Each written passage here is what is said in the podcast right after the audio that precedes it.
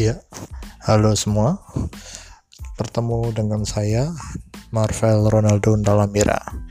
Dan ini adalah podcast pertama gue dan topik yang mau sedikit gue mau kan yaitu tentang kejadian dua minggu lalu mengenai masalah Cut Fitriah yang pindah agama. Nah, sekarang gini guys, kalau kita melihat dari sisi kemanusiaan. Sebetulnya apa yang dilakukan oleh George itu juga lebih ke mengarah kebebasan hak asasi manusia. Karena pada intinya apa yang dilakukan Jet Fitri itu kan sudah sesuai undang-undang bahwa orang-orang di negara Indonesia berhak bebas memilih kepercayaannya dan agama masing-masing sesuai dengan tanggung jawabnya. Ya, tetapi di sisi lain kita bisa lihat bahwa hal itu ternyata berbeda dengan kenyataan yang ada di lapangan. Contohnya aja, ketika Jud Fitri dua minggu lalu baru-baru ini beliau uh, secara tidak langsung kedua anaknya dibawa paksa oleh neneknya yaitu orang tua dari Cut Fitri sendiri. Kenapa? Karena apa yang dilakukan oleh Cut Fitri ini yaitu dia pindah agama ini karena dianggap sebagai kasus murtad atau dianggap sebagai pengaruh dari suaminya atau teman-temannya. Padahal Cut Fitri dalam pengakuannya berbicara bahwa sebetulnya apa yang dia lakukan itu sadar 100% sadar dan tidak dipaksa oleh siapa pun. Jadi keputusan dia untuk berpindah masalah agama dari muslim kepada agama Kristen itu sebenarnya mengaruh pada kebebasan hak dia. Dalam arti dia memang bertanggung jawab dengan apa yang pilihannya dia dan dia sadar melakukan hal itu dan dia tidak menyesal tapi yang jadi masalahnya orang tuanya tidak terima dengan hal itu dan akhirnya membawa paksa agar tidak anaknya itu tidak terpengaruh oleh ibunya. Dengan kata lain secara tidak langsung Cut Fitri memang dipaksa agar untuk kembali ke agamanya semula yaitu muslim. Saya atau gue secara pribadi juga sedikit gimana ya?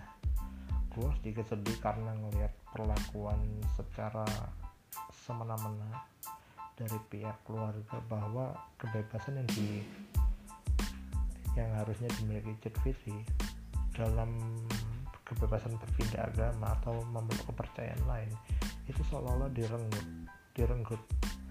Padahal kita tahu itu sudah diatur dalam undang-undang dasar. Tapi orang tuanya tidak terima. Oke lah mungkin masalah orang tuanya mau Cut Fitri tetap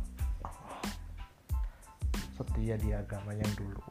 Tetapi tetap sekali lagi perlu ditekan bahwa apa yang dilakukan oleh Cut Fitri itu adalah keputusan dia secara pribadi tanpa paksaan dari pihak ketiga atau dari pihak mana pun.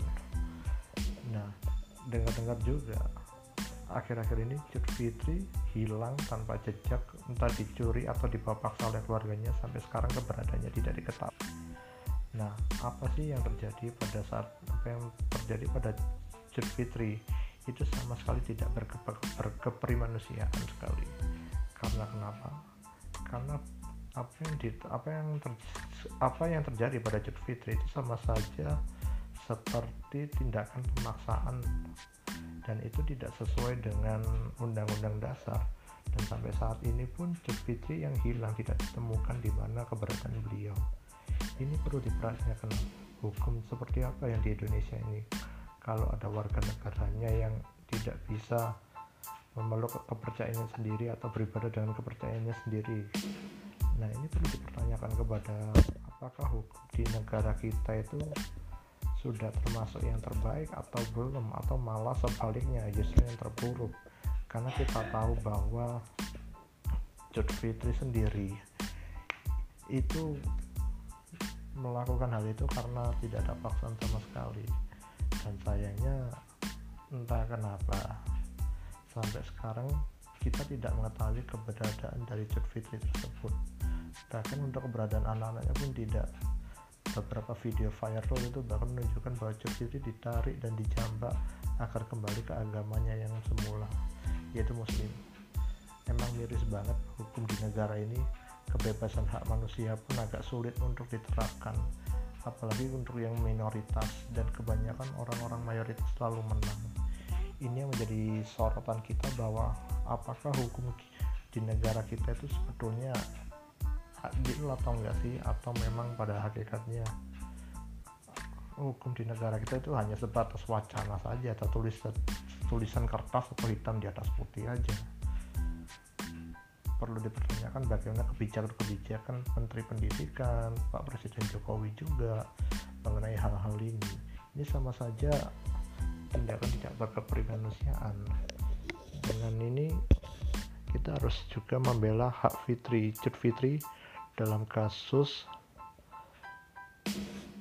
pemaksaan tersebut sekalipun itu berasal dari keluarga tetapi saya rasa kasus seperti ini dengan dia berpindah agama seperti hak asal dan dia dilarang oleh orang tuanya yang secara terang-terangan ini seperti menunjukkan bahwa dia tidak memiliki hak kebebasan sama sekali. Memang apa yang dia lakukan itu adalah salah satu contoh bentuk dari penerapan undang-undang dasar mengenai hak kebebasan manusia. Dan sayangnya apa yang dilakukan oleh Cut Fitri ini ditolak oleh keluarga dan dikatakan katanya memang sampai sekarang dari tanggal 18 Juni kemarin 2020 sampai sekarang belum tahu keberadaannya di mana. Ini menunjukkan betapa cacatnya negara kita. Bagaimana kita bisa menegakkan tidak bisa menegakkan keadilan dan banyaknya isu sara yang selalu muncul di negara kita. Nggak jauh beda dengan yang kasus yang dialami oleh George Floyd sebelumnya awal-awal Juni ketika ada penembak ada seorang kasus empat polisi berwarna kulit putih menembak mati secara tragis orang kulit hitam ini yang bernama George Floyd sehingga menimbulkan ketegangan di negara tersebut hampir selama 10 hari lebih 10 hari lebih sehingga banyaknya orang-orang kulit putih dari semua negara hampir semua negara bagian di Amerika Serikat protes untuk George Floyd untuk untuk kesetaraan kulit hitam dan kesetaraan kulit putih dan juga justice atau keadilan bagi kulit hitam. Nah, ini kalau kita seperti orang-orang seperti ini ya kita nggak ada bedanya dengan mereka. Maka tetapi bagusnya adalah setidaknya orang-orang di Amerika pada saat kemarin itu berani menyuarakan haknya.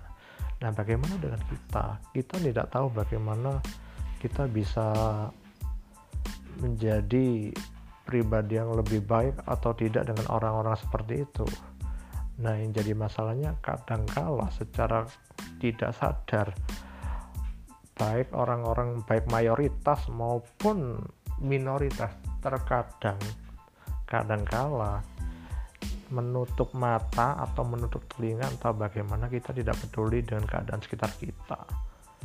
Contoh seperti kasus tadi berpindah agamanya Cid Fitri. Nah, yang kita harapkan adalah bahwa kita harus bisa menyuarakan suara kita sebagai hak warga negara. Kita bebas melakukan kita bebas melakukan, menyuarakan hak kita suara kita walaupun kita sebagai minoritas walaupun kita sebagai mayoritas pun harus sama rata. Tidak peduli apa pun yang terjadi. Kalau gini caranya kita sama aja gak ada bedanya sama orang-orang yang rasisme yang ada di luar sana kalau memang kita berlandaskan Pancasila, Undang-Undang Dasar, maka harusnya itu diterapkan tidak peduli mau dalam kondisi apa pun. Seharusnya keberadaan Pancasila kita itu ada maknanya dari sila 1 sampai sila 5 itu gua rasa itu bukan hanya sekedar wacana di dalam burung garuda aja tapi memang sebuah landasan dasar hidup kita benar-benar landasan dasar bernegara kita tapi kalau kita nggak terapkan itu menjadi masalahnya kita nggak bisa itu tidak bisa hidup berdampingan gitu loh. Dan rata-rata kaum mayoritas bisa menginjak-injak orang-orang minoritas. Ini yang perlu disayangkan. Bagaimana tanggapan hukum? Semoga juga gue harap baik Menteri Pendidikan maupun Pak Jokowi bisa bisa ketika melihat berita-berita semacam ini mereka segera bertindak.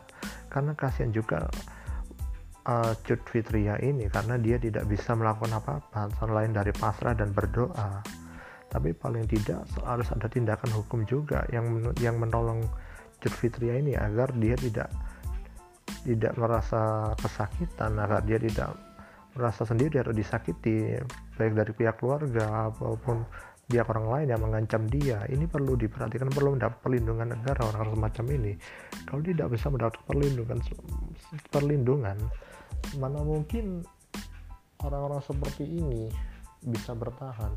Tolong kepada Bapak Jokowi, Bapak Presiden maupun Bapak Menteri Agama tolonglah untuk bisa menyelesaikan masalah kasus Cut Fitria Handayani yang hilang selama dua minggu ini tidak tahu ke mana juntrungannya, ke mana nasibnya, dia ada di mana, ke mana posisinya dia sekarang dan tolonglah baik kita sebagai generasi milenial, orang-orang muda menyuarakan suara kita mengenai hak kebebasan masyarakat dalam berpolitik maupun beragama maupun menentukan pilihannya. Mari kita sebagai generasi milenial generasi Z atau generasi muda atau generasi zaman now kita bisa memberikan dampak kepada bangsa kita bahwa kita juga negara toleransi bukan bukan hanya sebagai semata-mata negara yang hanya berlandaskan Pancasila yang hanya ada di mulut atau hanya di sekolah tapi memang kita menjunjung tinggi toleransi itu bagi semua umat manusia yang tinggal di Indonesia. Baik mayoritas minoritas itu tidak ada. Semua saling merangkul sama lain baik kulit hitam kulit putih mau Kristen Buddha Hindu atau apa pun Muslim itu semua saling menyatu saling perlu saling melengkapi saling menghormati satu sama lain. Dan gue harap dengan adanya ini kita bisa semakin sadar bahwa pentingnya kebersamaan dan saling menjunjung tinggi apa pun yang terjadi apa pun yang terjadi dan kita bisa menghargai keputusan orang lain dalam memilih pilihannya tersebut oke sekian dulu podcast kali ini. Salam dari gue Marvel Ronaldo Undamira selamat malam semuanya. Have a nice day.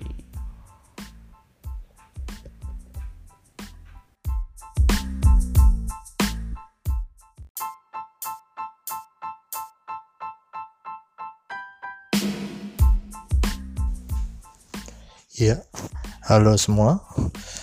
Bertemu dengan saya Marvel Ronaldo Dalamira. Dan ini adalah podcast pertama gue dan topik yang mau sedikit gue maukan yaitu tentang kejadian dua minggu lalu mengenai masalah Cut Fitriah yang pindah agama. Nah, sekarang gini guys, kalau kita melihat dari sisi kemanusiaan. Sebetulnya apa yang dilakukan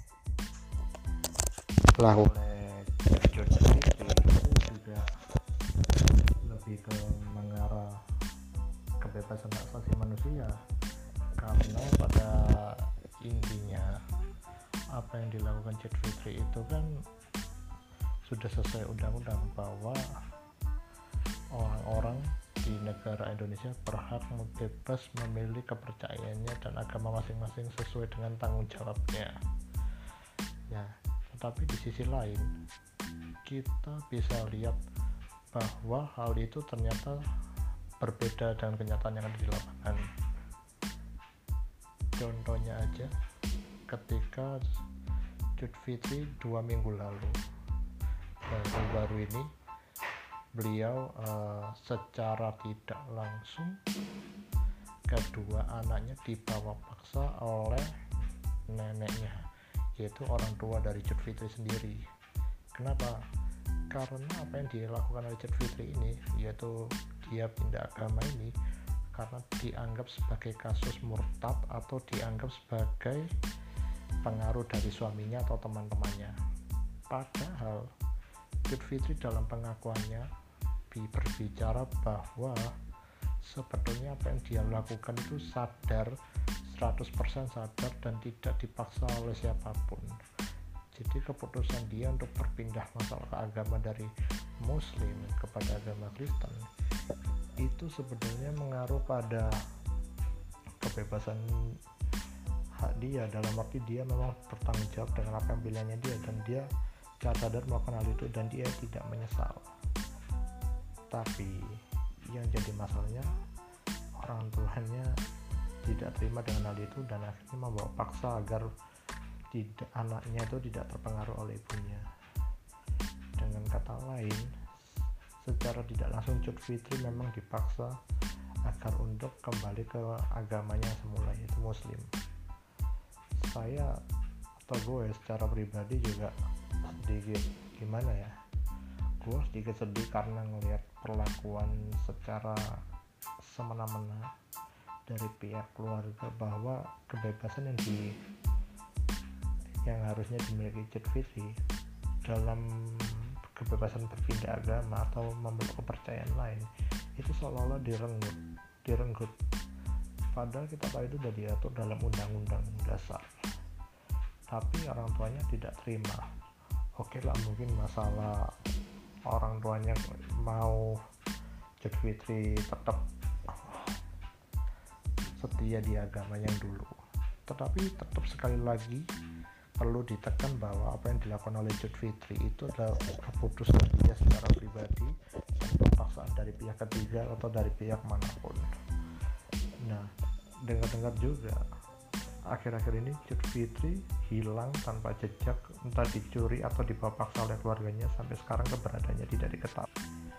Nah, apa sih yang terjadi pada saat apa yang terjadi pada Jud Fitri? itu sama sekali tidak berke sekali karena kenapa karena apa yang di, apa yang ter, apa yang terjadi pada Cut Fitri itu sama saja seperti tindakan pemaksaan dan itu tidak sesuai dengan undang-undang dasar. Dan sampai saat ini pun Cut Fitri yang hilang tidak ditemukan di mana keberadaan beliau. Ini perlu diperhatikan. Hukum seperti apa yang di Indonesia ini? Kalau ada warga negaranya yang tidak bisa memeluk kepercayaannya sendiri atau beribadah dengan kepercayaannya sendiri. Nah ini perlu dipertanyakan kepada apakah hukum di negara kita itu sudah termasuk yang terbaik atau belum atau malah sebaliknya justru yang terburuk. Karena kita tahu bahwa Jod Fitri sendiri itu melakukan hal itu karena tidak ada paksaan sama sekali. Dan sayangnya entah kenapa sampai sekarang kita tidak mengetahui keberadaan dari Cut Fitri tersebut. Bahkan untuk keberadaan anak-anaknya pun tidak beberapa video viral itu bahkan menunjukkan bahwa Cut Fitri ditarik dan dijambak agar kembali ke agamanya yang semula yaitu muslim. Emang miris banget hukum di negara ini kebebasan hak manusia pun agak sulit untuk diterapkan apalagi untuk yang minoritas dan kebanyakan orang-orang mayoritas selalu menang. Ini yang menjadi sorotan kita bahwa apakah hukum di negara kita itu sebetulnya adil atau enggak sih atau memang pada hakikatnya hukum di negara kita itu hanya sebatas wacana saja atau tulisan tulisan kertas atau hitam di atas putih aja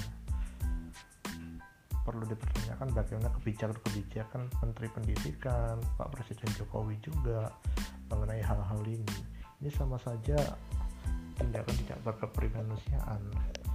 Dengan ini kita harus juga membela hak fitri, cut fitri dalam kasus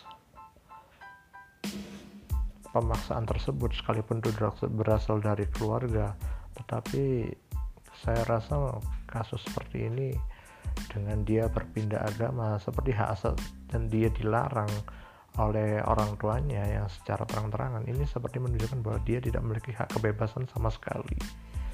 Memang apa yang dia lakukan itu adalah salah satu contoh bentuk dari penerapan undang-undang dasar mengenai hak kebebasan manusia. Dan sayangnya apa yang dilakukan oleh Cut Fitri ini ditolak oleh keluarga dan dikatakan katanya memang sampai sekarang dari tanggal 18 Juni kemarin 2020 sampai sekarang belum tahu keberadaannya di mana. Ini menunjukkan betapa cacatnya negara kita. Bagaimana kita bisa menegakkan tidak bisa menegakkan keadilan dan banyaknya isu sara yang selalu muncul di negara kita. Nggak jauh beda dengan yang kasus yang dialami oleh George Floyd sebelumnya awal-awal Juni ketika ada penembak ada seorang kasus empat polisi berwarna kulit putih menembak mati secara tragis orang kulit hitam ini yang bernama George Floyd sehingga menimbulkan ketegangan di negara tersebut hampir selama 10 hari lebih 10 hari lebih sehingga banyaknya orang-orang kulit putih dari semua negara hampir semua negara bagian di Amerika Serikat protes untuk George Floyd untuk untuk kesetaraan kulit hitam dan kesetaraan kulit putih dan juga justice atau keadilan bagi kulit hitam. Nah ini kalau kita seperti orang-orang seperti ini ya kita nggak ada bedanya dengan mereka. Maka tetapi bagusnya adalah setidaknya orang-orang di Amerika pada saat kemarin itu berani menyuarakan haknya. Nah bagaimana dengan kita? Kita tidak tahu bagaimana kita bisa menjadi pribadi yang lebih baik atau tidak dengan orang-orang seperti itu. Nah, yang jadi masalahnya kadangkala secara tidak sadar baik orang-orang baik mayoritas maupun minoritas terkadang kadangkala menutup mata atau menutup telinga atau bagaimana kita tidak peduli dengan keadaan sekitar kita contoh seperti kasus tadi berpindah agamanya Cid Fitri. Nah yang kita harapkan adalah bahwa kita harus bisa menyuarakan suara kita sebagai hak warga negara. Kita bebas melakukan kita bebas melakukan, menyuarakan hak kita suara kita walaupun kita sebagai minoritas walaupun kita sebagai mayoritas pun harus sama rata tidak peduli apa pun yang terjadi. Kalau gini caranya kita sama aja gak ada bedanya sama orang-orang yang rasisme yang ada di luar sana kalau memang kita berlandaskan Pancasila, Undang-Undang Dasar, maka harusnya itu diterapkan tidak peduli mau dalam kondisi apa pun.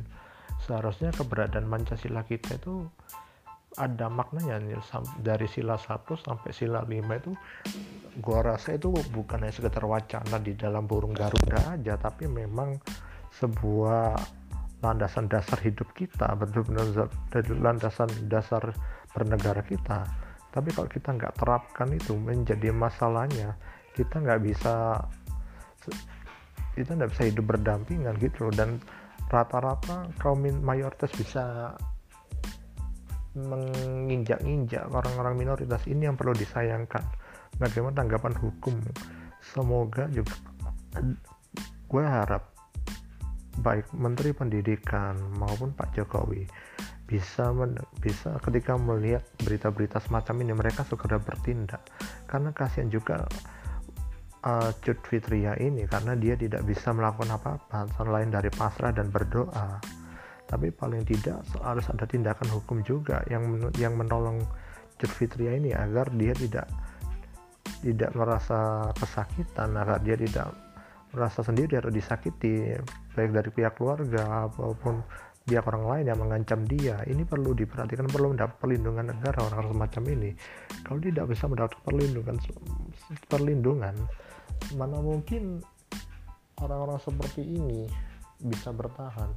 Tolong kepada Bapak Jokowi, Bapak Presiden maupun Bapak Menteri Agama tolonglah untuk bisa menyelesaikan masalah kasus Cut Fitria Handayani yang hilang selama dua minggu ini tidak tahu ke mana juntrungannya, ke mana nasibnya, dia ada di mana, ke mana posisinya dia sekarang dan tolonglah baik kita sebagai generasi milenial, orang-orang muda menyuarakan suara kita mengenai hak kebebasan masyarakat dalam berpolitik maupun beragama maupun menentukan pilihannya. Mari kita sebagai generasi milenial, generasi Z atau generasi muda atau generasi zaman now kita bisa memberikan dampak kepada bangsa kita bahwa kita juga negara toleransi bukan bukan hanya sebagai semata-mata negara yang hanya berlandaskan Pancasila yang hanya ada di mulut atau hanya di sekolah tapi memang kita menjunjung tinggi toleransi itu bagi semua umat manusia yang tinggal di Indonesia. Baik mayoritas minoritas itu tidak ada. Semua saling merangkul sama lain baik kulit hitam kulit putih mau Kristen, Buddha, Hindu atau apa pun Muslim itu semua saling menyatu, saling perlu, saling melengkapi, saling menghormati satu sama lain.